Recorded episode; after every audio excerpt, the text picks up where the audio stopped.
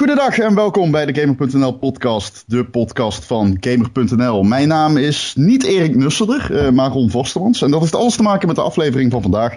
Uh, dit is namelijk aflevering 36, maar niet een normale aflevering, maar een speciale Halo-episode. Uh, morgen komt de game natuurlijk uit en vandaag staat de recensie online op Gamer.nl. daarbij Erik kon niet en Joe ook niet, dus hebben we een speciale cast vol van Halo-fans. En ik ga ze gewoon voorstellen, Bas vroeg op. Ja, Halo. Shit, die grap ik al maken. Nou, we hebben, ah, sorry. nou, we hebben in ieder geval iemand die uh, Erik's rol qua wereldkappen kan vervullen. Uh, nou hebben we natuurlijk Erwin Vogelaar. Hi. Wel bekend. En de man met de coole achternaam, Kevin Shuttleworth. Hallo, hallo, hallo. Hallo. Ja, nee, nou is die grap ook een beetje passé natuurlijk. Een beetje een grap stijlen, hè? Lang over nagedacht, niemand die hierop kan komen en dan ga je het gewoon een beetje van me jatten. Als ik zat er gewoon op dagen op te wachten. mij als eerste had voorgesteld, dan had je die hele grap niet kunnen maken, Bastiaan ja. ja, ik geloof dat we echt alle drie gewoon al... Deze podcast hebben we geloof ik drie dagen van tevoren gepland of zo. Dat we gewoon alle drie ook los van elkaar dezelfde grap al hadden voorbereid. Ja, ja. Ik zit er dagen op te wachten om die grap te maken. Ja, ja, nou ja, je hebt verpest voor ons. Ik hoop dat je met die kennis uh, kan slapen vannacht. Ah, het is wel belangrijk, jongens, dat we op één lijn zitten. En dat we allemaal ja. dezelfde grap willen maken, betekent niet oh, dat we een frequentie delen. Ik had Halo 2 moeten zeggen. Oh, dat was geweldig geweest. Oh, dat was zo goed grap geweest. Oh, jammer. Jammer. Nou, ik ben een beetje teleurgesteld nu, maar uh, laten we gewoon verder gaan. Uh, we gaan het vandaag hebben over Halo. Dat is immers de game die morgen uitkomt en uh, waar we vol verwachting van zijn. En mag ik stellen dat jullie Halo-fans zijn of ga ik dan mijn pet erboven? Dat mag je stellen. Ja, mag ik van de oude Halo. Van de oude Halo. Wat, wat vind jij de oude Halo? Tot en met uh, Reach. Tot en met Reach. Hm, dus eigenlijk al, alles Bungie dus. Ja, alles dus Bungie, ja, Bungie Halo. ben je dan ook fan van Destiny? Ja. Oh, nou, oké. Nou, dan ben je dus gewoon een, een Bungie adept. Ja, dat kan. Kan, ja. Ja, ik ben een keer bij Bungie geweest. Ik moet zeggen, Stoffen Studio. Die hebben echt een hele flexibele werkplek ook. Die bureaus staan op stoeltjes. Waar de, waarna ik dus heel... Of eh, de bureaus staan op stoeltjes. Ja, de, de desks staan dus op wieletjes. Moet ik oh. Wow. Als die bureaus zijn heel... Wat, ik, wat er juist door mijn hoofd heen ging, dat was vrij magisch. Ik vind het jammer dat, dat er niet eens uh, daadwerkelijk werkelijk Zo is de Warthog bedacht. Ja, maar ik stond dus heel knullig tegen zo'n bureau te leunen. En ik merk, oh, oh, oh, oh. En ja, natuurlijk gebeurt het verschoten. dat is heel knullig. Uh, laten we het niet daarover hebben. Um, merken jullie iets van hype van Halo 4? Of Halo 5? 5 natuurlijk. Ja, van Halo 4 niet zoveel meer, maar... Dat is natuurlijk al een, uh, paar jaartjes geleden. Ik vind het een beetje, een beetje zelf. Want ja, ik, ik, ik, ben zelf een hele rare selectieve fan, moet ik zeggen hoor. Ik bedoel, ik, ik vond één vond ik heel tof. Twee, moi, drie heb ik niet gespeeld. Uh, oh, Reach, uh, Reach en ODST vond ik fantastisch. Daar ben ik ook echt helemaal diep de serie in gegaan. ODST vind ik echt nog steeds gewoon fenomenaal. Kunnen nu nog steeds heel goed spelen. Maar ja, ik bedoel, vier werd sowieso niet heel goed ontvangen. Vond ik zelf ook. Ik heb hem wel gespeeld, maar daar haakte ik een beetje bij af. En dan hoor je steeds mensen zeggen van ja, 4 was een teleurstelling, 5 wordt oké. maar ik weet niet of ik me wil laten meeslepen om... Je wilt zeg maar teleurstelling een beetje voorkomen, snap je? Ja, ik snap dat wel overigens. En ik vond Halo 4 wel een toffe game. Ik vond, uh, maar Halo 4 wat... Kijk, als je Halo primair koopt voor de verhaallijn... dan kan ik me heel goed voorstellen dat je teleurgesteld bent in Halo 4. Want op dat vlak was het echt eigenlijk best wel slecht gewoon. Uh, ze wisten... Uh, 3 voor 3 wist eigenlijk niet zo goed wat ze met de verhaal aan moesten, voor mijn gevoel. Um, dus dat maakte het wel een hele aparte ervaring voor mij als uh, iemand die die serie moest recenseren op dat moment. Omdat ik het gevoel had dat ze gewoon een nummertje achter de titel hadden geplakt. En min of meer probeerden te bewijzen, nou wat Bungie kan, kunnen wij ook. Alleen dan ja. blijkbaar slechter. Dat was inderdaad de singleplayer heel erg van, oké, okay, wij kunnen wat Bungie deed qua feeling en zo, hoe het allemaal werkt. Maar er zat niet echt een ziel in en ze deden niet echt, ze stegen er niet bovenuit. En voor mij was de multiplayer, ik speel Halo ook heel erg voor de multiplayer, maar die multiplayer van Halo 4, die was op zo'n manier meer ge, ge Call of Duty'd. Ja. Dat is, goed, is goed woord. Dat het, uh, dat het voor mij dat ik er heel snel op afknapte. En bij de vorige Halo's heb ik zoveel uren erin gestopt. En Halo 4, ja, het hoefde niet meer voor mij. Ik snap wat je bedoelt. Voor mij is Halo... Um, voor, ja, Halo 1 en 2 heb ik de beste herinneringen uh, voor, ja, eigenlijk vooral omdat met, met Halo 1 begon ik echt, echt te gamen. Uh, en twee, die heb ik gewoon nachtenlang en nachtenlang op Xbox Live gespeeld. Dat is fantastisch. Ja. Dat, dat was echt leuk. En um, drie minder, ODS, die, de campaign vond ik fantastisch. Reach even goed. Die heb ik, ook Reach heb ik heel veel online gespeeld volgens mij. En uh, vier ook minder. Maar dat is eigenlijk precies wat jullie zeggen. Ik vond dingen, bijvoorbeeld uh, de Prometheus, vond ik een klein beetje een, een, moeilijke introductie. Waar ik niet echt aan kon wennen, omdat het voor mij een beetje geforceerd voelde. Van hé, hey, laten we dit nu erbij gaan voegen, zodat we daar ook. Ja, ik, kan, ik kan het niet eens goed onder woorden brengen, precies wat mij nou zo dwars zat aan, het, aan, aan Halo 4. De, de feel was er, de sfeer was er. Alleen je was de hele tijd op de knopjes aan het drukken. En alles dat je aan het doen was, was op de een of andere manier tikje niet zeggend voor mij. Weet je wat ik wel exemplarisch vond aan Halo 4? Dat, dat, dat het laatste gevecht beslist wordt met een quicktime event. Hmm. dat is waar ook trouwens. Oh ja. Ja, want dan eigenlijk wat ze doen, je, je, je vecht tegen de Didact. En ze intro, 343 Industries introduceert dus eigenlijk gelijk een nieuwe vijand. En aan het einde gaat hij op best wel lullige wijze dood met een quicktime event. En dan is het zo van, nou oké, okay, Halo 4 is afgerond. Uh, we zien wel wat we hierna doen. Zo, komt het, zo kwam het erbij heel erg over. Zo van, oh, alsof ze blij waren dat ze ermee klaar waren. Verhaal technisch gezien. Misschien is dat ook een goed bruggetje naar Halo 5, jongens. Um, luisteraar die nu uh, dit hoort, uh, die kan al naar gamer.nl gaan om uh, de recensie te kijken. het rare is, op dit moment, als wij dit opnemen, heb ik de recensie al geschreven. Maar ik heb nog geen cijfer gegeven. Ik, oh. ik weet, ik kan je wel vertellen, het wordt minimaal een 8,5. Maar ik twijfel nog heel erg over de 9. Dat heeft te maken met de multiplayer. Uh, wij kunnen die pas eigenlijk goed spelen op, uh, in de avonden. Als ook de ontwikkelaar en de journalisten online komen. Er zijn gezette tijden voor. En, uh, ik ga vandaag en morgen nog heel erg gebruiken om daar het maximale uit te halen. samen met Lars Cornelis, die de game recenseert voor Inside Gamer. Um, dus ik, maar laten we het dan even gaan hebben over Halo 5. Kevin, jij hebt de game al gespeeld. Jij zei, volgens mij zei Erwin net dat hij Halo 5 iets ver Call of Duty zeert vond. geldt dat dan ook voor de singleplayer trouwens, Erwin? Uh, nee, alleen multiplayer. Oké. Want, oké, nou Kevin, wat waren jouw bevindingen? Want uh, jij hebt ze al verwoord in een preview, maar uh, ik ben toch even nog benieuwd. Ja, paraphrasing dus eigenlijk. Ik ben het niet eens met de Call of Dutyficatie eigenlijk van Halo. Het is een snellere game, absoluut. Maar dat maakt het, dat maakt het geen Call of Duty game van. Uh, om eerst even te beginnen met de singleplayer. Ik heb een aantal zorgen met de singleplayer. Ik weet niet of jij ze kan beamen of niet. Maar uh, ik heb het vaag vermoeden als, als ik ons gesprek kan nalezen dat het wel goed zit. Sfeertechnisch heb ik er een, een, een, paar vraagtekens bij. Omdat de missies die is. Nou, elke missie is natuurlijk. Die speel je in een team van vier man. En dat wordt ook uh, weergegeven uh, in de game. Omdat je altijd AI-buddies bij hebt. En die AI-buddies hebben een grote rol in het verhaal. Althans, de personages die die kunstmatige intelligentie vervult, in principe. Uh, het probleem daarbij is dat je nooit alleen bent. En ik, wat ik heel tof vond aan, aan Halo en Halo 2 en um, latere titels ook nog, is het gevoel van isolatie dat je hebt met Cortana in je harses. En dan heb je uh, uh, in principe een hele fijne dialoog tussen die twee personages. Ja. En ben je deze omgeving aan het ontdekken in alle rust ook.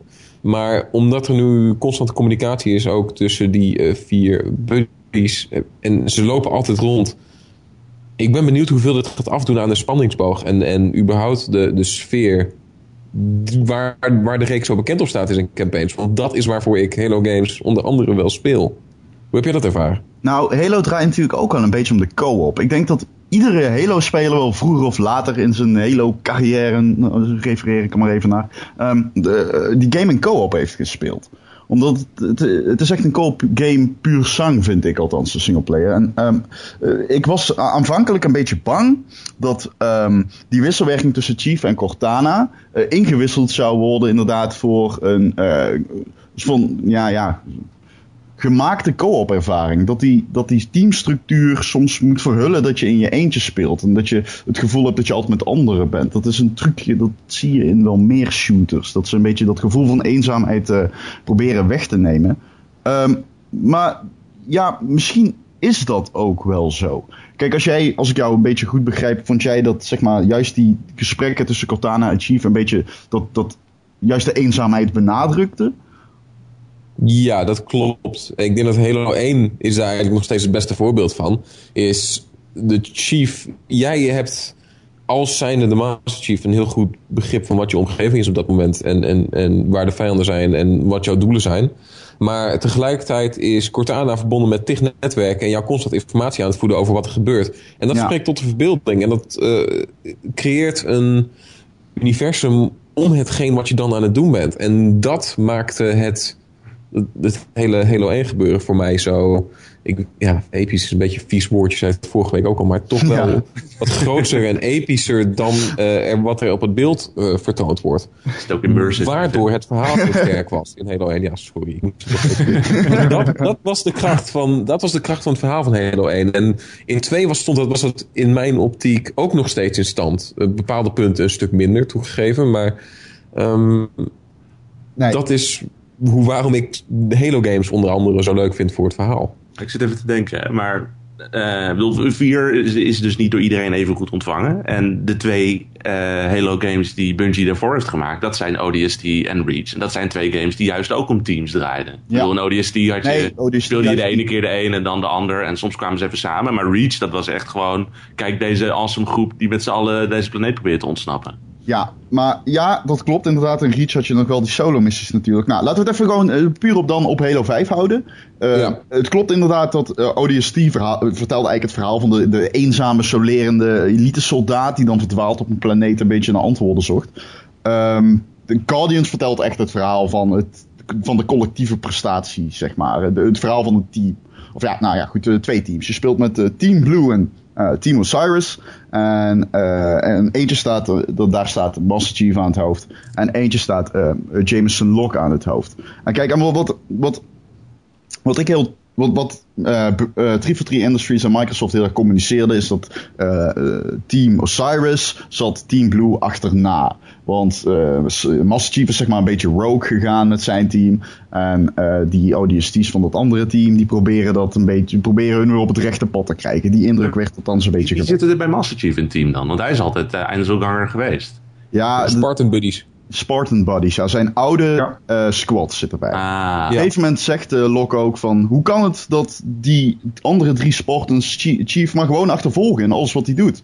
En dan zegt... Uh, of dat zegt een teammate van Locke. En dan zegt Locke... Ja, ze zijn, ze, ze zijn op heel veel missies samen geweest. Ze weten niet beter. En dan zegt die andere van... Oh, ze zijn familie. En dan zegt Locke... Ja, ze zijn familie. Dus dat is zeg maar een beetje de gedachte erachter. Dat zij elkaar ja, zij weten niet beter dan dat zij met elkaar zijn en dat ze altijd op elkaar kunnen vertrouwen. ik heb best een aantal. Sorry, wat wil je zeggen, Erwin? Ik onderbak. Nou, even over dat team. Want ik heb eh, best wel een aantal uh, hele boeken gelezen. Ja, ik ook. En ik ook. dat gaat dan heel erg ook over dus de, hoe, hoe die Spartans begonnen zijn en hoe ze getraind zijn. En dat gaat dus ook over dat team. En dat is inderdaad zo'n groepje dat heel vaak bij elkaar zitten. En dus echt van jong af aan zijn ze samen gebleven en getraind en missies gedaan. Dus daarom is er een echt groep. En is dat team is deels uh, ergens verdwenen, zeg maar. En dat is nu weer terug. Ja, er zitten twee cutscenes in, in het begin, die ieder team inleiden. Uh, dus je hebt een team dat Team Osiris wordt ingeleid met een introductie aan Team Blue. En ik moet zeggen, um, qua characterbuilding zijn die twee cutscenes echt die, die geven echt heel erg blijk van wat 343 Industries wilde doen. Je ziet die ODST's, die kleren, die, die vegen eigenlijk een, een slagveld schoon van, aan elite soldaten, of elites moet ik ze noemen, en brutes en whatever. Um, en dat, dat, gebeurt dan heel snel. Ze zijn heel atletisch en uh, ze, ze, ja, zij vertegenwoordigen echt de, de, de, snelle ODST gameplay een beetje. Uh, daarna dan zie je uh, er wordt Team Blue geïntroduceerd. Dus met Master Chief en de Spartans. En uh, die scène die begint uh, met een overval op een space station. En het tof is, terwijl ze dat doen, praten ze niet tegen elkaar. Um, ze schieten op een ruit, ze vliegen met z'n vieren naar binnen, ze kleren die room. En pas aan het einde van dat alles zegt uh, Master Chief: Oké, okay, team, let's move out. Dus dat, daarmee willen ze eigenlijk al een beetje blijk geven van ja, deze, deze Spartans die hebben al heel hun leven samengewerkt. En die voelen elkaar precies aan. Dus dat, is, dat, dat speelt ook wel dan. Die, die characters worden ook wel anders neergezet uh, dan de characters van Timo Cyrus. En uh, ik moet zeggen dat, dat 343 Industries in die zin wel veel meer feeling heeft uh, met de lore en een beetje de achtergrond van de serie dan in Halo 4. Maar tegelijkertijd zichzelf um, de, de serie heel erg naar zich toetrekt. Uh, het is, uh, ze, ze, we proberen echt een, een, een verhaal te vertellen uh, dat, van, van een game die eigen is gemaakt zonder, daarbij dat, dat, zonder dat daarbij de lore, zeg maar het universum van Halo, dat toch zo tof is, zonder dat dat daarbij verwaarloosd wordt. Eigenlijk stelt het Halo 5 als Halo-spel nergens echt in teleur als gevolg. En je ja, vergeleek net dat uh, Osiris team al een beetje met uh, de ODST's hè? uit uh, Halo ODST. Verrassing. Is dat dan ook het team waar Nathan Fillion in zit? Of? Ja. ja. Oké, dan ben ik voor hun. ik moet wel zeggen trouwens, we hadden het net over de boeken. Ik, um, heel, heel nerdig, maar aan het einde van uh, Ghost of Onyx, heb je die gelezen, Erwin? Ja. Ja? Aan het einde van Ghost of Onyx, dan komen de Spartans. Ik weet niet of mensen de boeken nog willen lezen. Uh, ja, ik weet ook niet of ze dat verhaal dan ook nog in de games laten willen laten terugkomen. Precies, want ik, dat, had in, dat had in Halo 4 moeten gebeuren namelijk. Ik ben heel benieuwd wat jullie op doelen. Ik heb die boeken namelijk wel gelezen, Fall of Reach ook. Alleen, um, dat is zo lang geleden dat ik echt niet meer weet wat er daarin precies gebeurt. Nou, in het einde van Ghost of Onyx... Nee, nee, nee. Ja, ik weet niet of je dat moet zeggen. Spoiler, ik wil het niet weten. Nee, oké, okay, laten, we laten we dit, we skippen dit. Ik vertrouw het niet. Ik heb dat, het de Halo 5 eindigt, man. Oeh. Nou, op het einde als Master Chief dus dood ah, Die twee teams die je hebt, hè, strijden die dan ook echt in de multiplayer tegen elkaar? Of is dat weer Red versus Blue? Dat is Red versus Blue, ja. Ah, jammer. Dat is nou, toch een gemiste kans? Laten we het op het einde over de multiplayer hebben, want daar heb ik nog heel veel over te zeggen. Alright. Ja, ja want, nee, want eh, het werkt namelijk als je hebt ook weer een nieuwe modus. Die heet, uh, die heet uh, Warzone. En die is 12 tegen 12. En die opzet verschilt weer heel erg van zeg maar, het klassieke Red versus, uh, Red versus Blue. Dan speelt ook AI mee en zo. Warzone is zo leuk. Ja, Warzone is echt zo, is zo leuk. Dat is echt heel gaaf. Maar daarover, maar wat, eerst nog even over de campaign. Ja, eerst nog even over de campaign. Wat ik dus. Wat, ik heb het al een paar keer gezegd dat 343 Industries die serie naar zich toetrekt. Maar dat geeft ze dus ook de vrijheid om bepaalde elementen die Bungie achter zich. Uh, die Bungie introduceerde, nu weer achter zich te laten. En daarbij doe ik dus heel erg op dat zo lerende. Je werkt echt als een team. En ik, ik moet zeggen, dat is wel echt tof gedaan. Je kunt ook verschillende kamers op verschillende manieren binnenvallen. Door te zeggen van. Nou, als jullie linksom gaan, dan bestrijd, dan bestrijd ik de, de, de, bestrijk ik de rechterflank en zo. En dat soort kleine dingetjes geven wel een, soort van nieuw elan aan die voorheen toch heel lineaire uh, uh, singleplayer. En wat ik ook tof vind, is dat er echt een, wel een schaalvergroting heeft plaatsgevonden. Oh jezus mensen, er zitten battles in, die zijn zo grootschalig en tof. Dat is echt heel cool gedaan. Uh, wat dat betreft staat de singleplayer echt een schril contrast qua schaal met Halo 5 van Halo 4. Dat, is, dat verschil dat is echt heel merkbaar. En dat maakt dit ook echt een, een, een veel uh, avontuurlijker game om te spelen. Je hebt echt steeds het gevoel van, oh, wat gaat nu gebeuren? Er zit veel meer uh, afwisselingen in locaties. En jezus mensen, wat is het af en toe mooi. Het is zo mooi. Ik, uh, ik zag een stukje van jouw stream die je had gedaan voor, voor Gamer. Ja. Um, en ik heb niet heel veel gezien, maar ik zag ik vond het level design, je zat binnen in, in zo'n soort uh, loods of zo. Of, oh ja? En we zitten verder. Het level design zag er vrij suf uit. Ja, dat is uh, de missie die heel erg uh, lijkt op de normale missies uit Halo 4. Ik denk dat, dat jij. ja, dat was Blue Team. Jij hebt die ook gezien, ja. Vind, denk ik. Die heb ik gespeeld, ja. Ik heb die missie gespeeld en een missie die iets later in de game in de woestijn plaatsvindt. Uh, oh, dat ja. is met, die, met, die, met, die, met die tank? Ja, uh, ik weet ook welke je bedoelt. Dat is ook de terugkeer, maar ik ga het gewoon zeggen, de terugkeer van Orbiter. Heel erg vet. ja, ja, ja, ik hoorde hem. Vet. Ja, ja, ja. David!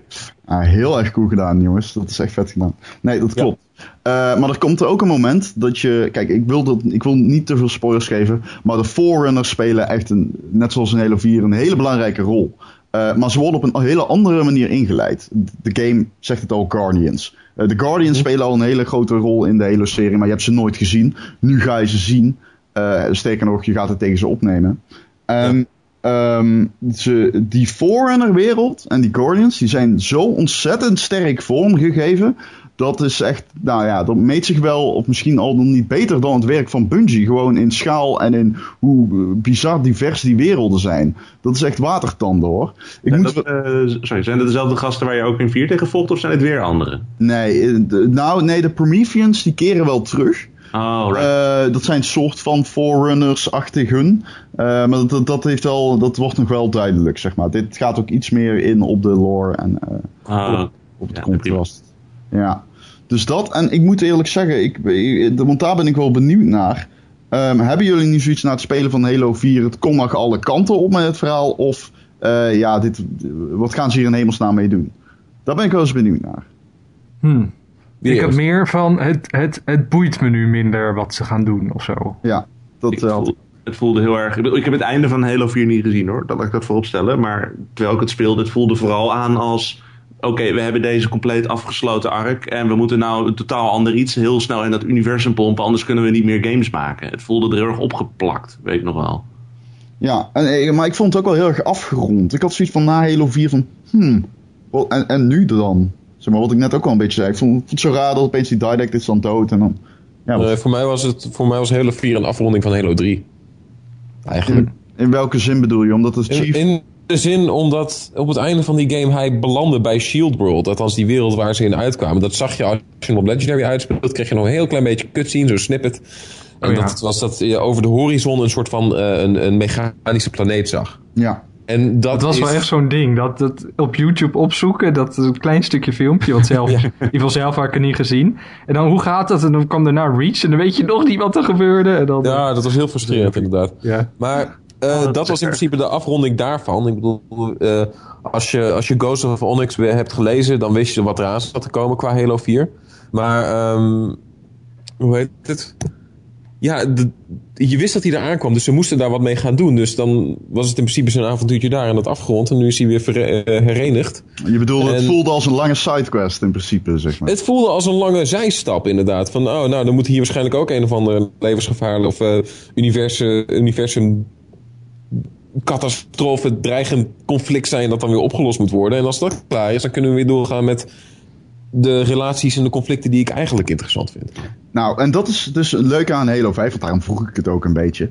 Ik kan iedereen geruststellen, want ik, eh, het, het, mooie is dus dat het einde van Halo 5 luidt daadwerkelijk een... Het is een open eind, zoals Halo 2. Dat ga ik toch zeggen. Dat ga ik toch zeggen.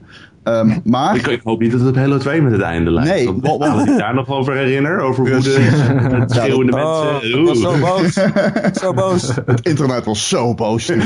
ik kan iedereen geruststellen. Het einde is hetzelfde als Halo 2. Ja, maar, nee, maar ik kan dus, het einde is hetzelfde als Halo 2. Dat klopt in die zin dat het een uh, open eind is. Maar uh, in tegenstelling tot Halo 2 weten, weten, wij totaal niet waar het nu heen gaat. En dat betekent dat Halo 5 een prachtige brug is naar, uh, verhalend in ieder geval, naar iets, uh, naar weer een Halo die, die weer, ja, op iedere schaal relevant is, zeg maar. Want ik vond Halo 4 vond ik zo, wat, wat jij al zegt, Kevin, vond, dus voelde zo'n rare stap opeens. Gewoon, je, zat op die wereld van die Didact en uh, die, dan werden dan de Prometheans op geïntroduceerd. En het was heel uh, klein, voelde het. En Halo 5 maakt alles weer groot. Je kunt je nu weer echt uh, gaan focussen op de conflicten die al heel erg, heel erg lang in de Halo-serie speelden. En ook niet onbelangrijk, er is weer echt een, een, een belangrijke, een grote vijand. Een eenduidige vijand. En um, dat gaat heel erg interessant worden, kan ik je vertellen. Dus uh, ik, ik zat na het einde van Halo 5. Ik, voor mijn gevoel was het verhaallijntje van Halo 5 afgerond. Maar ik had ook meteen zoiets van: wow, ik ben super benieuwd wat ze nu in Halo 6 gaan doen. Hey, wil ik me afvragen? Want je had het net over die Forerunners en zo. En als ik een beetje terugdenk aan de eerdere Halo games die ik gespeeld heb, dat was zeg maar nog een beetje het enige overgebleven grote mysterie in dat universum. Ja. Eh, zitten we nou nog zitten we nou straks op een punt dat we zeg maar alles weten wat er in het universum aan de hand is? Of is er misschien weer. Is er nog mysterie in die wereld? Vraag ik me heel erg af. Ja, dat is wel een moeilijke. Ik denk dat de meeste mysterie. Oh, iemand die echt zich heel erg verdiept heeft in inderdaad de boeken en de lore en een beetje op die Wikia-pagina's uh, Wikia pagina's rond afstruint. Um, die, die, ik denk dat die eigenlijk al het leeuwendeel weet. Er zijn niet zo heel veel open eindjes meer, ah. denk ik. Dat is wel denk zo, ja. Ik heb heel veel van die... Uh God, toen Halo Waypoint net een ding was. Weet je dat nog? Toen gingen ze allemaal van die uh, miniseries en, en geanimeerde filmpjes introduceren. Waarin korte Halo Evolution verhalen verteld werden en zo. En ik vond die eigenlijk best wel leuk. Dus ik heb die ook allemaal gekeken. Ja. En daarin ging, werd, het ook, ging, werd ook heel vaak ingegaan op de Forerunners en zo. En dan werd er ook een beeld gegeven van hoe ze eruit zagen. Aan de ene kant heeft dat wat mysterie verpest. Aan de andere kant heeft dat mijn kennis wat verbreed. Dus ik ben eigenlijk gewoon benieuwd hoe daarop geïtereerd gaat worden. Ja, en dat doet Halo 5 wel echt heel tof. Ik bedoel, nou ja, dat is ehm, cool hoe je, de, hoe, Guardians ziet en de, de rol die zij vertolken in het verhaal, het is gewoon tof gedaan. Dat biedt zoveel mogelijkheden qua opzet binnen dat universum voor het vervolg. Ik hoop echt dat er wat leuke referenties aan zitten in naar Killed by the Guardians in multiplayer. Of als je out of bounds ging in de map in singleplayer, dat er stond Killed by the Guardians? Ja, dat weet ik nog. Er was oh. een groot uh, reuze, ja geen reuzenrad, zo'n hele grote uh, roterende cirkel in, uh, oh, kut, die missie in Afrika. Of die map in Afrika. Ik ben even de naam kwijt. Alleen als je dan onder die pilaar... Zanzibar. Ja, Zanzibar. ja, inderdaad. En als je dan onder die spil kwam, dan ging je eigenlijk dood door de map. En dan stond er Killed by the Guardians. Ja, dat deed hij zo af en toe inderdaad. Of als jij Um, in Halo 3 was er een, een, een, inderdaad ook een multiplayer map die in de woestijn zat of zo. En als je dan out of bounds ging, dan kwamen er allemaal landmijnen omhoog. Kan iemand deze zich nog herinneren? Die was heel groot in Forge toen. Oh ja, met die kleine, op die hele grote gebouwen. Ja, met die Nee, nee, nee, nee, nee. Dat, was, dat was een hele grote woestijnmap en er zat een enorme kelder onderin waar je ook allemaal shit kon bouwen. Oh. Hey, maar als je out of bounds bent, kom je dan niet als gewoon bij Out of bounds bent, dan... dan nee, je, je, je, wordt gedood door de Guardians, dus ik weet hoe laat het is. Ja, dan kom je uit in Montreal bij Bungie. ik, ik, heb genoeg Destiny gespeeld de afgelopen maand. ja. Nou ja, ik ook. Ik heb ook genoeg. Dat was trouwens wel even wennen, zeg. Jezus. Ik heb echt uh, twintig granaten tegen mensen zijn hoofd aangegooid in multiplayer. Alleen omdat ik uh, weg wilde dashen de hele tijd. ik, dat controls oh, ja, kun je niet aanpassen. Van, na vond ik ook Destiny. heel moeilijk, ja. maar je kunt het niet aanpassen. Je kunt hem alleen aanpassen naar COD, maar niet naar Destiny. nee, maar je, je, je, kunt geloof ik sinds de laatste update voor de Xbox... kun je toch de controls programma per game in, de, in het OS aanpassen. Dat heb dus ik niet die manier veranderen. Hm. Hey, maar vergeleken met Destiny, hè? ik bedoel, uh, dat hebben Erwin en ik geloof ik de afgelopen tijd, nou Kevin inderdaad ook, we hebben het alle vier geloof ik al gespeeld. Hm. Ja. Uh, best wel veel gespeeld, maar heel wat, ja. Controls daar gelaten. Is het nou weer makkelijk overstappen omdat die uh, granaat melee schieten Trinity erin zit? Of is het toch wel weer anders qua gevoel? Ja, het is wel, die feel is wel, nee, die is wel een beetje hetzelfde. Je merkt heel erg van als je bijvoorbeeld een elite in zijn hoofd slaat en je draait je om en je gooit een granaat en dan, zeg maar, echt die, die typerende Halo-actie, die zit er gewoon nog steeds in die vorm in. En je kunt nu wel bijvoorbeeld dashen. Je kunt zo'n ground pound doen, dat je in de lucht blijft zweven en opeens heel hard met je vuist op de grond neerkomt. Maar het is niet zo dat je, ja, wat Destiny ook een bungee shooter maakt, zeg maar, die legacy heeft ze gewoon achtergelaten in Halo. En eh, daar stapt 343 niet echt, die durft daar niet echt van af te wijken. Het is dat, is ook, dat is ook iets wat maakt. Ja, maar ik bedoel, uh, Bungie is op het moment wel aan het uh, itereren op hun, formule. Een beetje subtiel, maar Destiny is um, ja, misschien gameplay technisch wel een betere shooter dan de eerste Halo's. En de, Bungie durft wel op Bungie voor te zetten, want ze zijn Bungie. Ik bedoel, je kunt moeilijk van je eigen bronnen afstappen. Nee. Maar er komen dus, stel je voor over tien jaar, dan is Destiny 3 uit en Halo uh, 8, 10, weet ik veel hoeveel ze er gaan maken inmiddels hoe groot gaat het verschil dan tussen die twee zijn? En durft 3 for 3 tegen. Uh, dat is echt een lelijke term om in het Nederlands te moeten zeggen trouwens. 3 for 3. Maar uh, durven ze tegen die tijd wel iets te doen? Of blijven ze eraan hangen en raken we daardoor allemaal een beetje verveeld? Dat is een goede vraag. Ik durf er echt serieus geen antwoord op te, kijken, op te geven. Dat is heel speculatief natuurlijk. Daar durf ik ja. niks over te zeggen. Nee, dat is, dat is ook moeilijk nu te zeggen. Maar dat is denk ik wel een angst. En tegelijkertijd ook iets, een uitdaging waar die studio zich ook denk ik wel zorgen over maakt nu. Nou ja, het, moet geen Call of Duty worden, eh, worden of een nieuwe Assassin's Creed. Want waar ik echt een hekel aan heb bij die twee games is dat ik steeds het gevoel heb dat ik dezelfde game aan het spelen ben. Ja, dat vind ik ook vervelend. En bij Halo, op de ene het punt sowieso, is, even een dingetje met Halo is de tijd die er verstrijkt tussen dat er een nieuwe Halo game uitkomt, is telkens een jaar of twee of drie.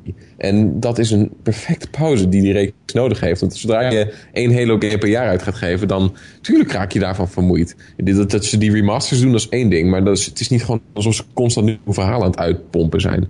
Ik moet zeggen dat ik dat wel enigszins verfrissend blijf vinden. Waardoor het makkelijker is om een nieuwe Halo game op te pakken. In tegenstelling tot een, uh, ja, tot een, tot een Call of Duty of zo. Ja, dat klopt. sowieso al te denken van, oh, zijn er nog wel genoeg mysteries en verhaaltjes in het universum? Moet je je dat voorstellen als er ieder jaar een nieuw Halo verhaal is? Ja, maar weet je, dan kunnen ze echt de tijd nemen om iets, iets te vertellen. En een verhaal te vertellen waar ik dan nog even op kan teren. Zonder dat ik denk van, eh, ja, maar dit is, dit is weer een sidestep.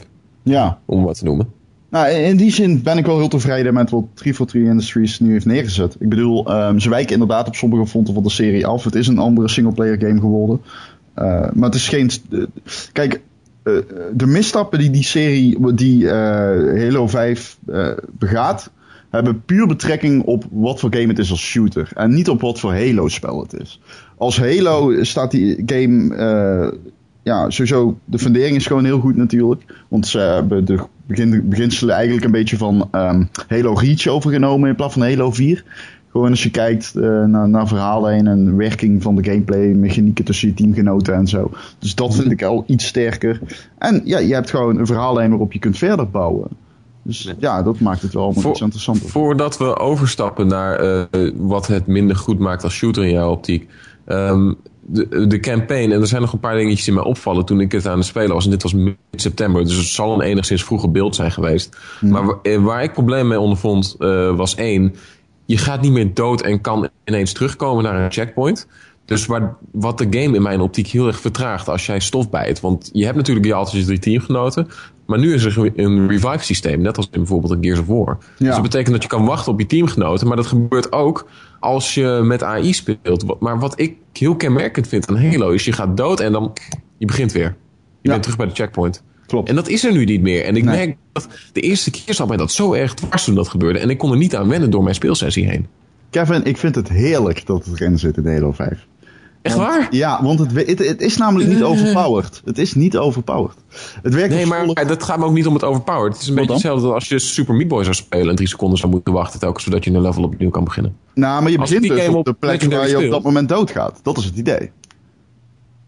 Dus je hoeft niet te wachten. Je kunt gewoon meteen weer doorgaan als je gerevived wordt. Oké, dat klopt, maar dan moet je wel gerevived worden en niet teamgenoten hebben die, die gewoon lukraak tegen, tegen vijandelijk vuur inlopen en dan alle drie doodgaan. Want dat is mij toen wel een aantal keer overkomen. Ja, dat gebeurt nog steeds zo. dat ja, dat vind ik. Dat, kijk, maar daardoor is de mechanic kapot, in mijn optiek. Nou, hoe bedoel je dan? Want je kunt ook zeggen, juist omdat ze af en toe doodgaan, is die mechanic niet overpowered. Ja, maar waarom rennen ze dan recht op vijandelijk vuur in? Nou, je kunt dan moet ik daar alsnog op gaan zitten wachten. Dan kan ik niet gewoon zeggen, we gaan terug naar checkpoint. Dan moet ik eerst op start drukken en dan zeggen, we gaan terug naar checkpoint. Maar... Dit klinkt wel heel specifiek. ja, dat ja, ja, maar het is iets dat ik... We gaan, we gaan dus Ja, nee, inderdaad. Ja, dat is één mechanic die... Ik heb hem toevallig ook in de recensie benoemd. Alleen sta ik er iets positiever tegenover. Omdat, kijk, hoe ik het beleef... Nou ja, goed, dit wordt inderdaad fucking concreet. Maar, mm maar hoe ik het beleef... Is inderdaad dat ze doodgaan op het moment dat... Want je, met X groepjes op je af. Dus je gaat dood, je drukt op X en dan komen ze op gelopen. En het kan inderdaad dat ze dan in vijandelijk vuur lopen, maar dan ga je dood. Maar ja, na vijf seconden of tien seconden ga je sowieso dood. Want dan houdt je levensbalkje te over. Dat klopt. Maar dat is mijn hele probleem. En dan betekent dat de AI niet sterk genoeg is om, om, dat, om die mechaniek te kunnen ondersteunen. Nou, dat is dus wat ik erop aan te merken heb als shooter. Het is niet, die AI is ook niet heel erg sterk. Af en toe. Uh. Het af en toe, uh, ja, dat is wel jammer, omdat het nou ook een team-based game is. Maar ja, er zijn ook momenten dat is die AI wel weer heel erg sterk. Het is in ieder geval niet ergerlijk, vind ik. Oké. Maar hey, zolang, zolang de toffe grootschalige gevechten er maar zijn en de vijandelijke AI slim genoeg is om mijn, om mijn plantjes te kunnen inzien zo af en toe en dat ik gewoon leuke zijweggetjes kan vinden in singleplayer maps en op een eigen manier, op een soort van creatieve manier een probleem kan oplossen, dan ben ik helemaal blij met deze game. Jij kunt die Covenant helemaal de moeder flanken als jij dat wil. Alright. Ja. Helemaal. He he helemaal. Au. Au. Au. Oh, mijn brein. Ja, dat, uh, ja ik, ik ben blij dat jij de rol van Erik zo goed invult. Uh, echt. Daar ben ik ervoor. Erwin met een E. hey, maar en, uh, nou heb jij, zonder te veel te spoilen hoor. maar Ron, nou, jij hebt de singleplayer nou uitgespeeld toch? Ja. Uh, die, die twee teams hè, die, die met je meegaan. Heb je nou ook iets van dit zijn awesome personages waar ik gewoon alle boeken nu ook voor wil doorspitten om te kijken wat ze allemaal beleefd hebben? Of zijn dit een beetje de, de Alpha en Bravo uit Army of Two? Nou, een beetje wel. Het, het, is vooral de extended lore waar je je dan moet verdiepen om daar meer over. En ik ben daar nooit niet zo van. Ik ga bijvoorbeeld, je hebt dan van die datapads. En uh, die garanderen dat je weer een stukje van het verhaal meekrijgt. Dat je anders niet zou meekrijgen. Uh, ook over de Dr. Catherine Halsey en zo.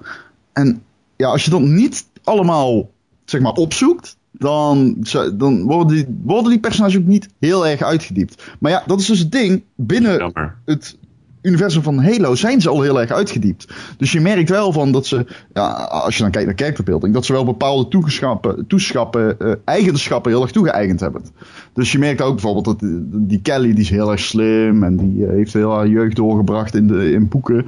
Um, door in boeken te duiken bedoel ik. Dus uh, dat komt er wel in terug, maar het is niet zo dat dat de boventoon voelt. Maar zijn, zijn ze bang dan om uh, die personages? Ik bedoel, leuk dat die Halsey een hele rol heeft, maar ik heb die boeken allemaal niet gelezen. Nee. Uh, dat wil ik wel steeds liever doen.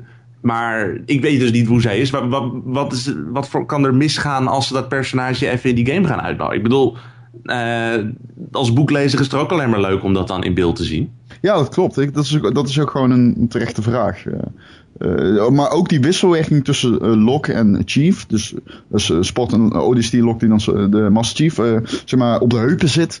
Um, dat leidt dan wel tot een confrontatie. En je hebt met name in het begin de hele tijd het gevoel. Ja, ik probeer zo met spoilers een beetje te vermijden. Maar je hebt heel, het gevoel. Ja, precies. Je hebt heel tijd het gevoel van. Oh ja, ze zitten elkaar op de heupen. Net, lopen ze elkaar net mis, net niet. Maar uiteindelijk is dat niet waar het verhaal echt om draait. Het verhaal draait om een veel groter geheel.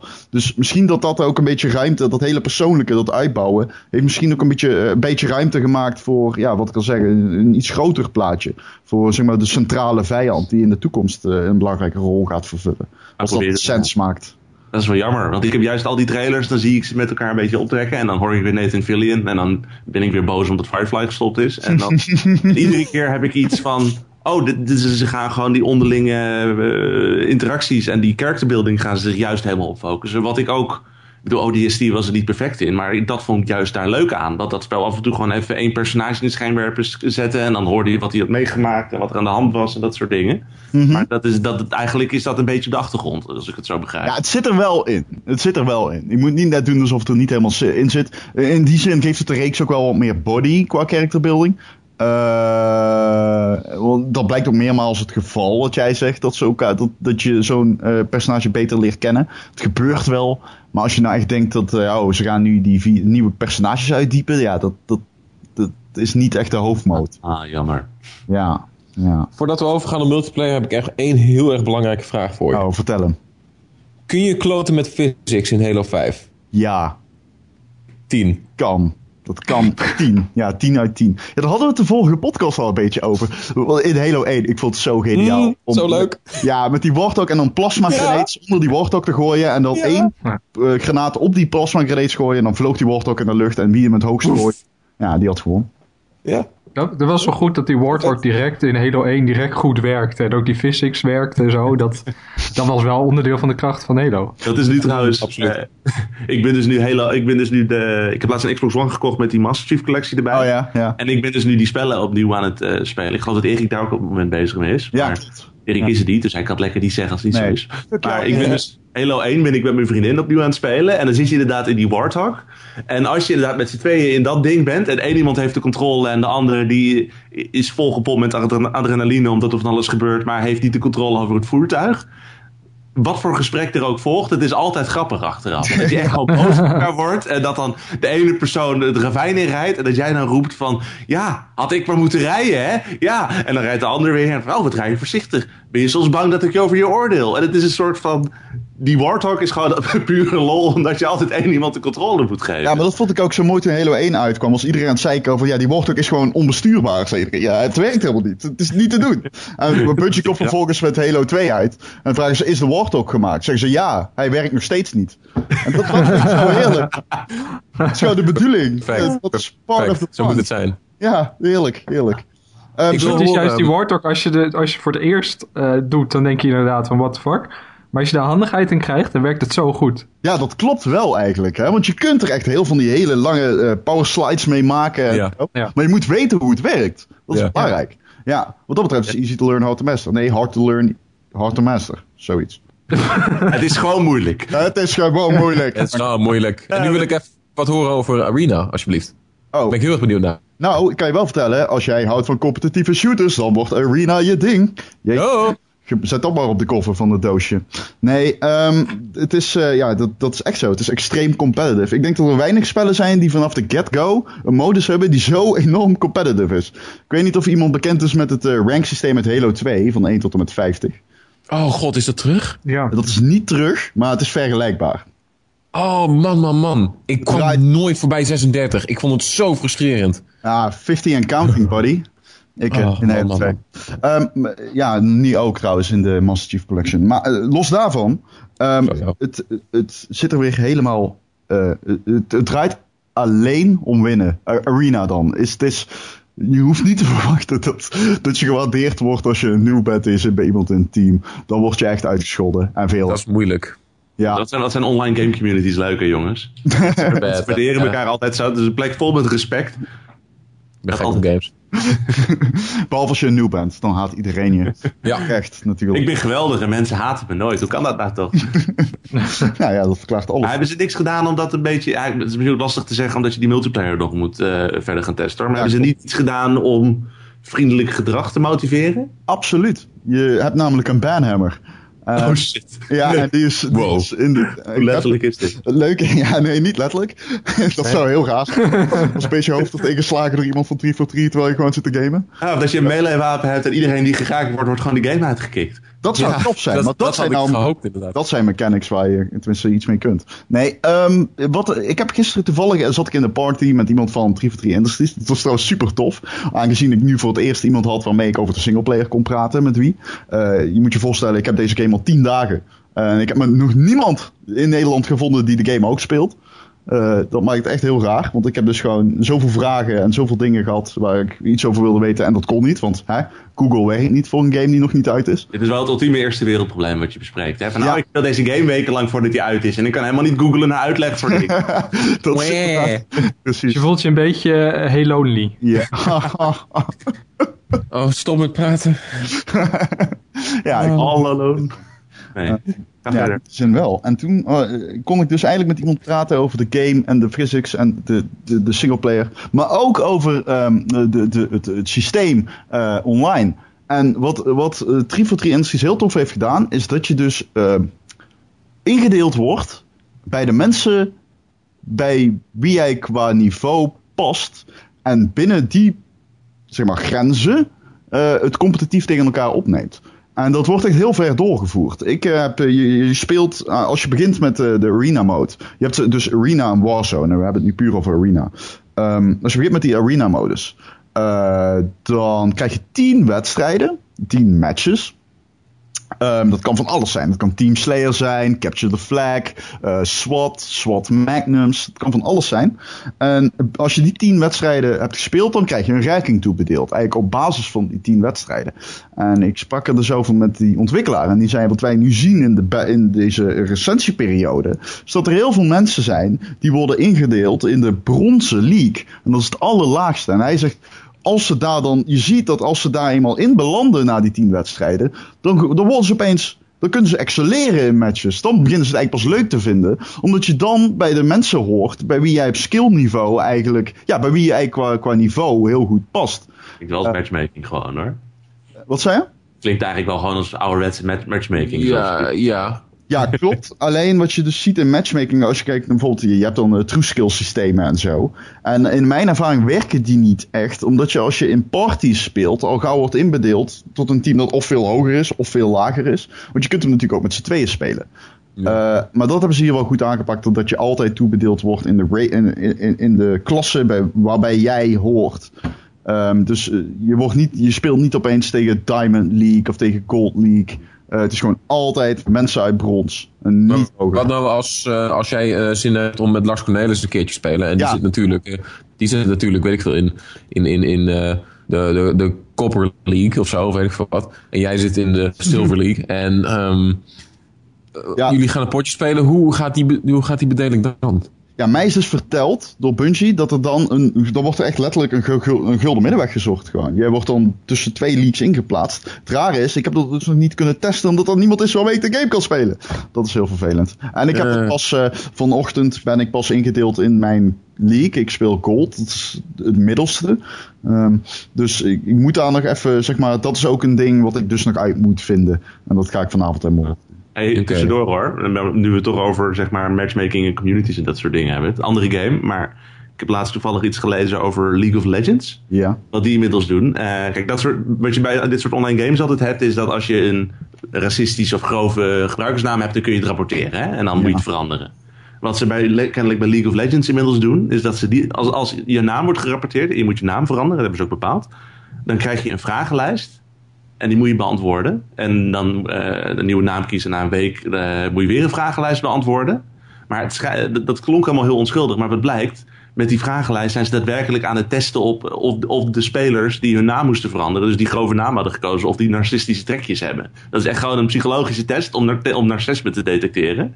Dus er is gewoon een, een, game met een online community. Die is nu gewoon op grote schaal aan het kijken van die mensen met kutnamen. Wat zegt dat over hun persoonlijkheid? Wat fascinerend. Dat is zo bijzonder. Ja, heel, ja. League of Legends doet heel veel inderdaad experimenteren. Hoe kunnen deze community vriendelijk uh, maken en leuk houden voor mensen. Dat niet iedereen's moeder wordt uh, beledigd als je ook maar iets fout doet. Ik kan me voorstellen dat menig moeder verbaal sneuvelt in een uh, potje League of Legends. ja, dat gaat er wel, dat gaat er wel op.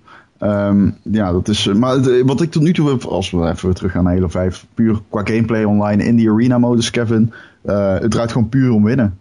Dat is echt serieus het enige dat telt. En um, aan de ene kant kun je daarvan zeggen, ja, maar wat nou als je gewoon lekker casual 4 tegen 4 wil doen? Um, ja, dan wordt het je toch wel, dan is het misschien een moeilijkere Halo voor jou. Want het is echt net als een Halo 2. Het is gewoon echt super competitive. Maar je, je kan, ik ga ervan uit dat je lobby's aan kan maken waarmee je dan je eigen custom games kan. Ja, dat kan wel nog steeds. Ja. maar die nou, custom games zit geen matchmaking in. Dus, uh, nee, nee, maar dat klopt. Dat is nooit zo geweest. Nee, dat klopt. Maar dat betekent dus als je iets anders zoekt. Als je uh, casual zoekt in combinatie met arena. Ja, in de beeld die ik nu speel, zit dat nog niet in. Ik kan me geen, geen Halo game herinneren die niet super competitief is geweest in matchmaking. Uh, ja, Halo 4 had in ieder geval nog die playlist die niet ranked was. Dat is waar, maar dat is dan ook echt het enige voorbeeld dat ik me kan herinneren. Ja, dat is wel een beetje waar, ja het is altijd al een hele competitieve game geweest. En ik denk dat als je, als je Arena speelt, dat het misschien ook niet is waar, waar je naar op zoek... Ja, als je competitiviteit zoekt, dan is Arena gewoon de plek waar je moet zijn. En voor zover ik het heb gezien, zitten er veel maps in. Uh, heb je een aantal hele toffe game modi en zit het gewoon goed in elkaar. Ja, het, het, is, het is echt heel tof. Het is qua gameplay en zo, het, is, het speelt zo heerlijk. Uh, het is ook, je merkt ook dat mensen iets meer rust hebben in een spel online. Omdat je, uh, je hebt gewoon veel meer tijd. Uh, je hebt veel minder tijd nodig om iemand dood te krijgen. vier headshots of drie headshots met de DMR en je bent dood. En de, de rate of fire is relatief hoog. Dus je hebt gewoon mensen sneller dood. Waardoor mensen ook mm voorzichtiger zijn in een benadering in, tijdens confrontaties. We speelden bijvoorbeeld Capture the Flag met respawns. En we waren gewoon echt met z'n vieren, van, als groepje, collectief, een beetje ruimte voor ruimte aan het verkennen. Omdat iedere confrontatie direct het einde in kan leiden. En als je met z'n vieren dood bent, ja, dan is het maar een korte weg naar de andermans vlag natuurlijk. Ik heb een eh, potje gespeeld. Ik heb één potje Arena kunnen spelen. Omdat uh, toen, uh, toen wij de game de voorgeschoteld kregen, toen was, hadden ze ter plekke hadden ze internetproblemen. Waardoor het heel moeilijk was om een netwerk om games op gang te krijgen. Dus ik heb uiteindelijk één potje Arena, of nee, twee potjes Arena kunnen spelen. Dat waren allebei Capture the Flag potjes zonder respawns. We hebben één potje hebben we gruwelijk hard gewonnen.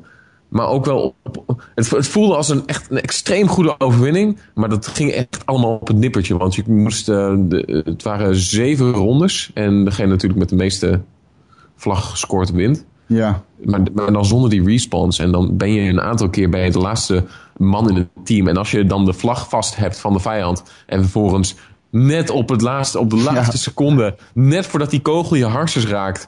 Um, in, in de spawn loopt waar die vlag staat en dan scoort voor je team. Dat voelt zo goed. Dus wat dat betreft, eh, qua, qua, qua spannende um, potjes, is de ene ervaring die ik heb gehad, die was wel positief. Ja, dat had je er ook een beetje wel in Halo 2. En dat zit er hier dus ook weer echt heel erg in. Zeg maar, die, de, de, de noodzaak om te winnen. Dat, en ik kan dat heel erg waarderen, maar dat komt ook natuurlijk omdat ik een competitive gamer ben. Maar oké, mhm. zoek je dus het tegenover. Kijk, je zoekt het tegenovergestelde op. Want volgens mij, bij, als ik Erwin en Bas, als ik mij niet vergis, zijn jullie toch iets meer van de, de ja, niet casual, maar de minder oh! competitieve oh. multiplayer ervaringen. ik, ik, ik ben geen MLG Pro zoals jij bent, dat is waar. MLG. Pro, je weet het. Uh, ik heb wel, zeker bij Halo heb ik heel, heel veel online gespeeld. Daar wil ik natuurlijk wel winnen. Ja, nee, ik ook. Is natuurlijk ook ja. zo. Dat, dat, is heel competitief geweest. Nou, Oké, laat ik niet jullie mening invullen, maar... voordat we... toch? Ik had, ik had nog één vraagje over Arena, voordat oh, we overgaan op okay. Uh, Warzone. Want ik vond het wel een heel goed bruggetje, maar ik ga hem voor je verpesten. Hoe zit het met um, uh, Spectator Modi? Uh, zit er, naar mijn weten, wel in, maar ik, je, bedoel je als je doodgaat of bedoel je als je joint? Uh, als je joint, zodat je games kan waarnemen. Of überhaupt uh, buiten, de, uh, buiten de potjes om. Dat je gewoon in een game kan springen om te waarnemen. Want ik dacht dat er, er modi waren waardoor je de silhouetten van de spelers door muren heen kon zien. Ja, klopt. Als je als, in custom games heb je de e-sports modus, spectator modus. dan kun je inderdaad bijvoorbeeld als, als je aan het livestreamen bent. Dan kun je gewoon over het slagveld heen zweven. En, een beetje, en dan zie je inderdaad de silhouetten en zo. Ik weet niet hoe dat in, in arena matches zit. Aangezien jij niet iemand kunt inviten in de game. Als iemand quit, dan komt er niemand meer bij. Dan speel je gewoon 3 4. Uh, het is dus ook niet mogelijk om een potje te joinen dat al bezig is. Oké. Okay. Uh, dus dat durf ik niet met zekerheid te zeggen, Kevin. Dat, dat... Ik ben benieuwd of ze daaromheen uh, een soort van eventjes kunnen maken. Waarbij je de keuze hebt om als spectator te komen kijken. Waarbij je dan de potjes gewoon zelf kan waarnemen. Ja. Terwijl je gewoon in je huiskamer zit. In principe live toernooitjes aan het volgen bent via Halo. Halo 5. Dat zou ik wel uh, tof vinden op zich. Ik, uh, ik, uh, je hebt Halo Waypoint zitten weer in op een soort van Halo Channel manier. Heet, het heet Halo Channel, het is Halo Waypoint, mm. min of meer. Volgens mij zit het daar wel een beetje in. Okay. Ik durf nog niet die vorm te zeggen, omdat de e-sports modus die er wel gaat komen, die is er nog niet in de mm. versie die ik speel. Die komt pas aan het einde van deze maand. Ik ga het niet gebruiken, maar ik vind het heel erg interessant om te zien hoe ze dat nou daadwerkelijk implementeren. Hey, hoeveel Nederlanders heb je nou trouwens die in de afgelopen Halo's echt gewoon op e-sports niveau hebben gespeeld? Is dat echt een grote groep hier of is dat een klein clubje? Uh, er is een gigantische competitieve community in Nederland. Als je naar xboxworld.nl gaat, dan okay. die fora, die, dat is echt, er zitten zoveel mensen in. Maar het niveau, als je echt kijkt, kijk, als we nou echt in-depth over e-sports gaan hebben, dan leggen ze het allemaal af tegen Amerikanen. Dan is er geen één Nederlander beter dan, uh, ja. We hebben geen enkele die echt op wereldniveau speelt hier? Mm. Behalve gewoon voorste man. ik, ik hoor je trouwens denken, van, je moet je goed bedenken of je iemand vergeet, want anders beledig je straks Ja, precies. Dat oh shit, ik wil niet. Dan ga ik... Zijn het allemaal Mongolen rond? Zeg je dat? Ja, dan ga ik dadelijk in de toekomst misschien wel een heel pijnlijk interview tegemoet. Jezus, laat ik dit wel niet zeggen. Um, ja, ik, ik, luister altijd naar je podcast. Interessante ja. aflevering, uh, nummer 36 was het, zeg. Ja, herken je mij? Ik ben de persoon die je de vorige keer vergeten bent. Nee, laat alsjeblieft niet... Uh, Jezus. Ja, ik heb okay, al Warzone. iets meegemaakt. Ja, nee, laat, daar gaan we het niet over hebben. We gaan het hebben over Warzone. En Warzone is een soort van het equa equivalent een beetje van uh, Big Team Battle uit de vorige Halo games. Alleen dan toch weer anders. Je speelt wel 12 tegen 12, net als in die modus. Uh, maar wat anders is, er speelt AI mee. En uh, je hebt heel veel wisselende en overkoepelende objectives. De ene keer dan moet je elkaars generator vernietigen, terwijl je allerlei basissen over moet nemen. De andere keer is het weer een soort van domination. Uh, het, gebeurt ook voor, het komt soms ook voor dat je alleen maar tegen AI aan het vechten bent. Simpelweg omdat het, het andere team gewoon heel ergens anders in de map bezig is om een punt te veroveren. dat kolossale, ik vond dat heel tof. Het is veel minder competitief en strijd, strijdvaardig als de, de arena-modus, uh, zeg maar. Alleen, uh, ik ben benieuwd hoe jij dat vond, Kevin. Jij bent ook een beetje een fan van die oude hele opzet, maar vond je dat dan ja. tof? Ik vond het heel tof. Uh, dat heeft te maken met de verschillende dingen die je kan doen. Ten eerste is nooit een match bepaald. Die wordt nooit bepaald door de directe vaardigheid van, van de spelers. Je kan met een team, uh, een team van 12 hele goede spelers zitten. Dan heb je een team van 12 gemiddelde spelers. Die gaan gewoon lekker op AI jagen. En die kunnen alsnog goed, even goed punten scoren.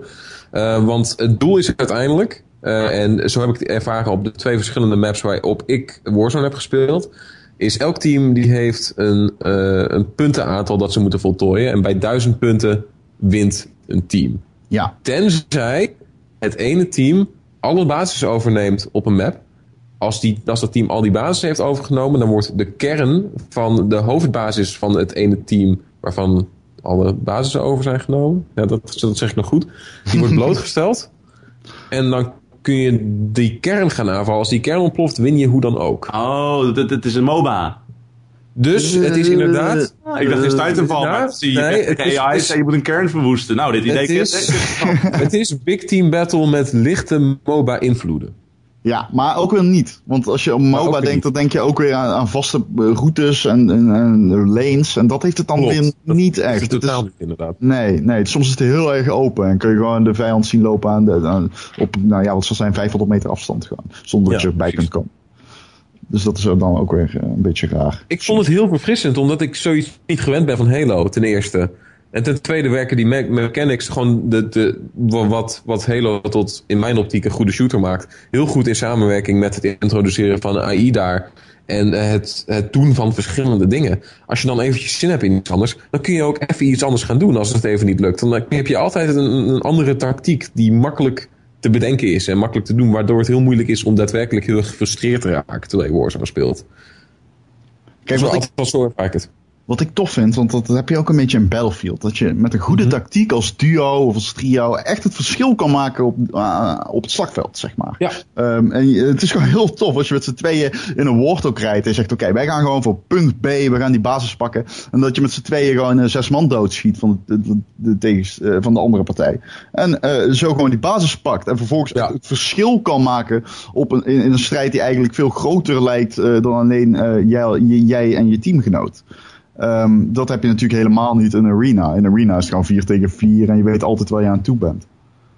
Ja, inderdaad. Dus- en, en, maar wat dat betreft weet je ook altijd hier waar je aan toe bent. Van, vanwege de verschillende dingen die je kan doen, kun je makkelijk zeggen van... Nou, we gaan nu gewoon dit doen. Maar het zijn nooit te veel doelen. Uh, het, is, het is nooit overweldigend veel. Ik moet zeggen wel dat de leercurve een klein beetje stijl is. Omdat het het, is, is vrij genuanceerd. Dus je moet inderdaad heel veel dingen in je opnemen in de eerste potjes. Dus het duurt misschien twee of drie potjes voordat je nou echt totaal in, in zijn volledigheid doorhebt wat er aan de hand is. Maar als het eenmaal klikt, dan dan weet je ook echt wat je wil gaan bereiken terwijl je speelt. En dat voelt zo goed. Als je, als je eenmaal een, een leuke strategie te pakken hebt, of je, bent, je hebt door dat de vijand iets aan het doen is waar jij gebruik van kan maken op dat moment. Bijvoorbeeld, ik had het best wel vaak dat toen ik uh, met die internationale pers aan het spelen was, ja. um, zij zich vaak concentreerden op één specifieke basis om te nemen. Dus wat ik deed, ik ging naar een andere basis, nam die in het, met gemak over met één of twee andere teamgenoten. En um, dit was de... Um, Raid Apex 7 map, die heel veel weg heeft van de Silent Cartographer uit Halo 1. Oh ja, ja, ja, ik weet het. Ja, ja, ja, ja, precies. Dus wij gingen naar de basis in het midden van de map. Dan heb je nog twee basissen die er net wat buiten vallen. Maar vanaf de basis in het midden van de map heb je heel goed overzicht op die andere twee basissen. Dus wat we deden is, uh, wij stonden dan op basis B en dan heb je A en C er nog. Dus wij gingen ons heel richten op basis A vanaf, vanaf uh, B. En dat was een hele mooie mogelijkheid om voor een vrij lange periode heel makkelijk vijanden uit te schakelen. Waardoor we heel veel punten aan het scoren waren. Wat een hele goede tactiek was om daadwerkelijk voortgang te kunnen uh, boeken in een potje Warzone. Zo blijkt. Weet je wat nou het grote nadeel is trouwens? Dat niemand dit gaat spelen omdat Battlefront uitkomt. Nee joh, doen ze graag. Niemand aan. Waarom, waarom, waarom oh. ben je nou zo'n baskill? Dus, Wat is dit? ja, dat, dat, ik bedoel, ik, ik, weet niet hoe, hoe het in jullie vriendengroepjes de laatste tijd is, maar ik hoor de afgelopen maand iedereen alleen maar zeggen van ik ga de hele winter Battlefront spelen, ik ga de hele winter Battlefront spelen. En dan zit er een Halo tussendoor met zijn eigen multiplayer dingetjes, die heel leuk klinken hoor, maar... Maar hoezo? Je, je, bent geen, Battlefront je, wordt leuk voor een week, dat weet je nu Ja, maar je kunt, je kunt in Halo niet in een, uh, in een TIE Fighter zitten, dus waarom zou ik het spelen? Ja, ik weet niet. Ik denk dat de Battlefront voor een week leuk is. Is mijn kok. Dan ben je erop uitgekeken. Is, is, dit is dit langer leuk, denk je? Of? Ja, dat denk ik wel. Maar dit dat denk ik ook. Dit heeft veel meer diepgang dan Battlefront. Battlefront wordt echt, uh, ja, schiet maar op elkaar en totdat je, het, uh, totdat je moe bent, zeg maar. Dat is meer de gedachte achter Battlefront. ik denk dat, dat iedereen beide games gaat proberen, maar dat ene type shooter-speler echt blijft bij Halo en de andere uh, Battlefront. Dat het echt wel twee verschillende groepen zijn. Mm. Ja, Nee, duidelijk. Nee, maar dat, ik zeg het een beetje stellig nu, maar het lijkt me duidelijk dat Battlefront op een heel ander publiek mikt dan uh, ja. Halo 5. Ja. Over, ja, ik bedoel, als je, om nog heel even op Battlefront te blijven, als je kijkt naar de, de schietactie aan zich. Punt 1, het is een multiplayer game. Punt 2, als je, het is een klein ding, maar als je down the sides uh, richt, dan heeft dat geen toegevoegde waarde voor je, voor je accuraatheid van, van, je, van je schoten. Nee. Of de schade die je aanricht. Dus het is gewoon een hele, het is, een, het is best wel een casual vrolijke shooter. Terwijl je dat alle, allebei kan vinden in Halo 5. En persoonlijk zie ik daar wat meer waarde in eigenlijk. Maar ik swing, Kevin. Ik swing. Ik Ja, dat is wel, dat is wel heel cool. Ik, ik, Vader.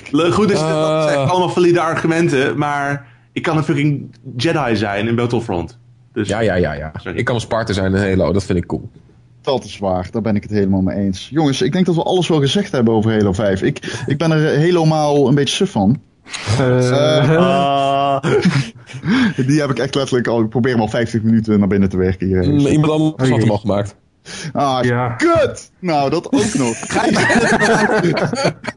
ik stop er echt mee. Dat is echt een teken gewoon. Normaal doet Erik hier altijd zo'n riedeltje van... Eh, like the Gamer.nl podcast, uh, 5 sterren rating op iTunes. Nou, ik uh, raad jullie allemaal aan hetzelfde te doen. Als je dat riedeltje nog nooit gehoord hebt, skip even naar het einde van een andere podcast. Dan kun je het horen.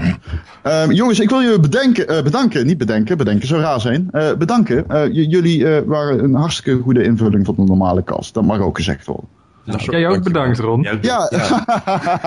Jij ook bedankt. Je was een, eh, een, hele goede invulling voor de normale gastheer. Heel ontzettend bedankt. Nee, dat vind ik goed. En ook Erik bedankt voor het luisteren. hey jongens, ik ben er klaar mee. Doei! Doei! Doei!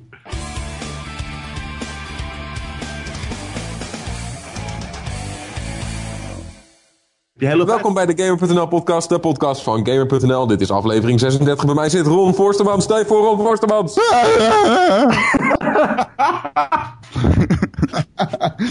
Yo. Joe. Yo. Yo. namens Joe van Buurik, bedankt voor het luisteren. Ja, namens Joe van Buurik, bedankt voor het luisteren. Namens mijn auto, Opel Astra, bedankt voor het luisteren.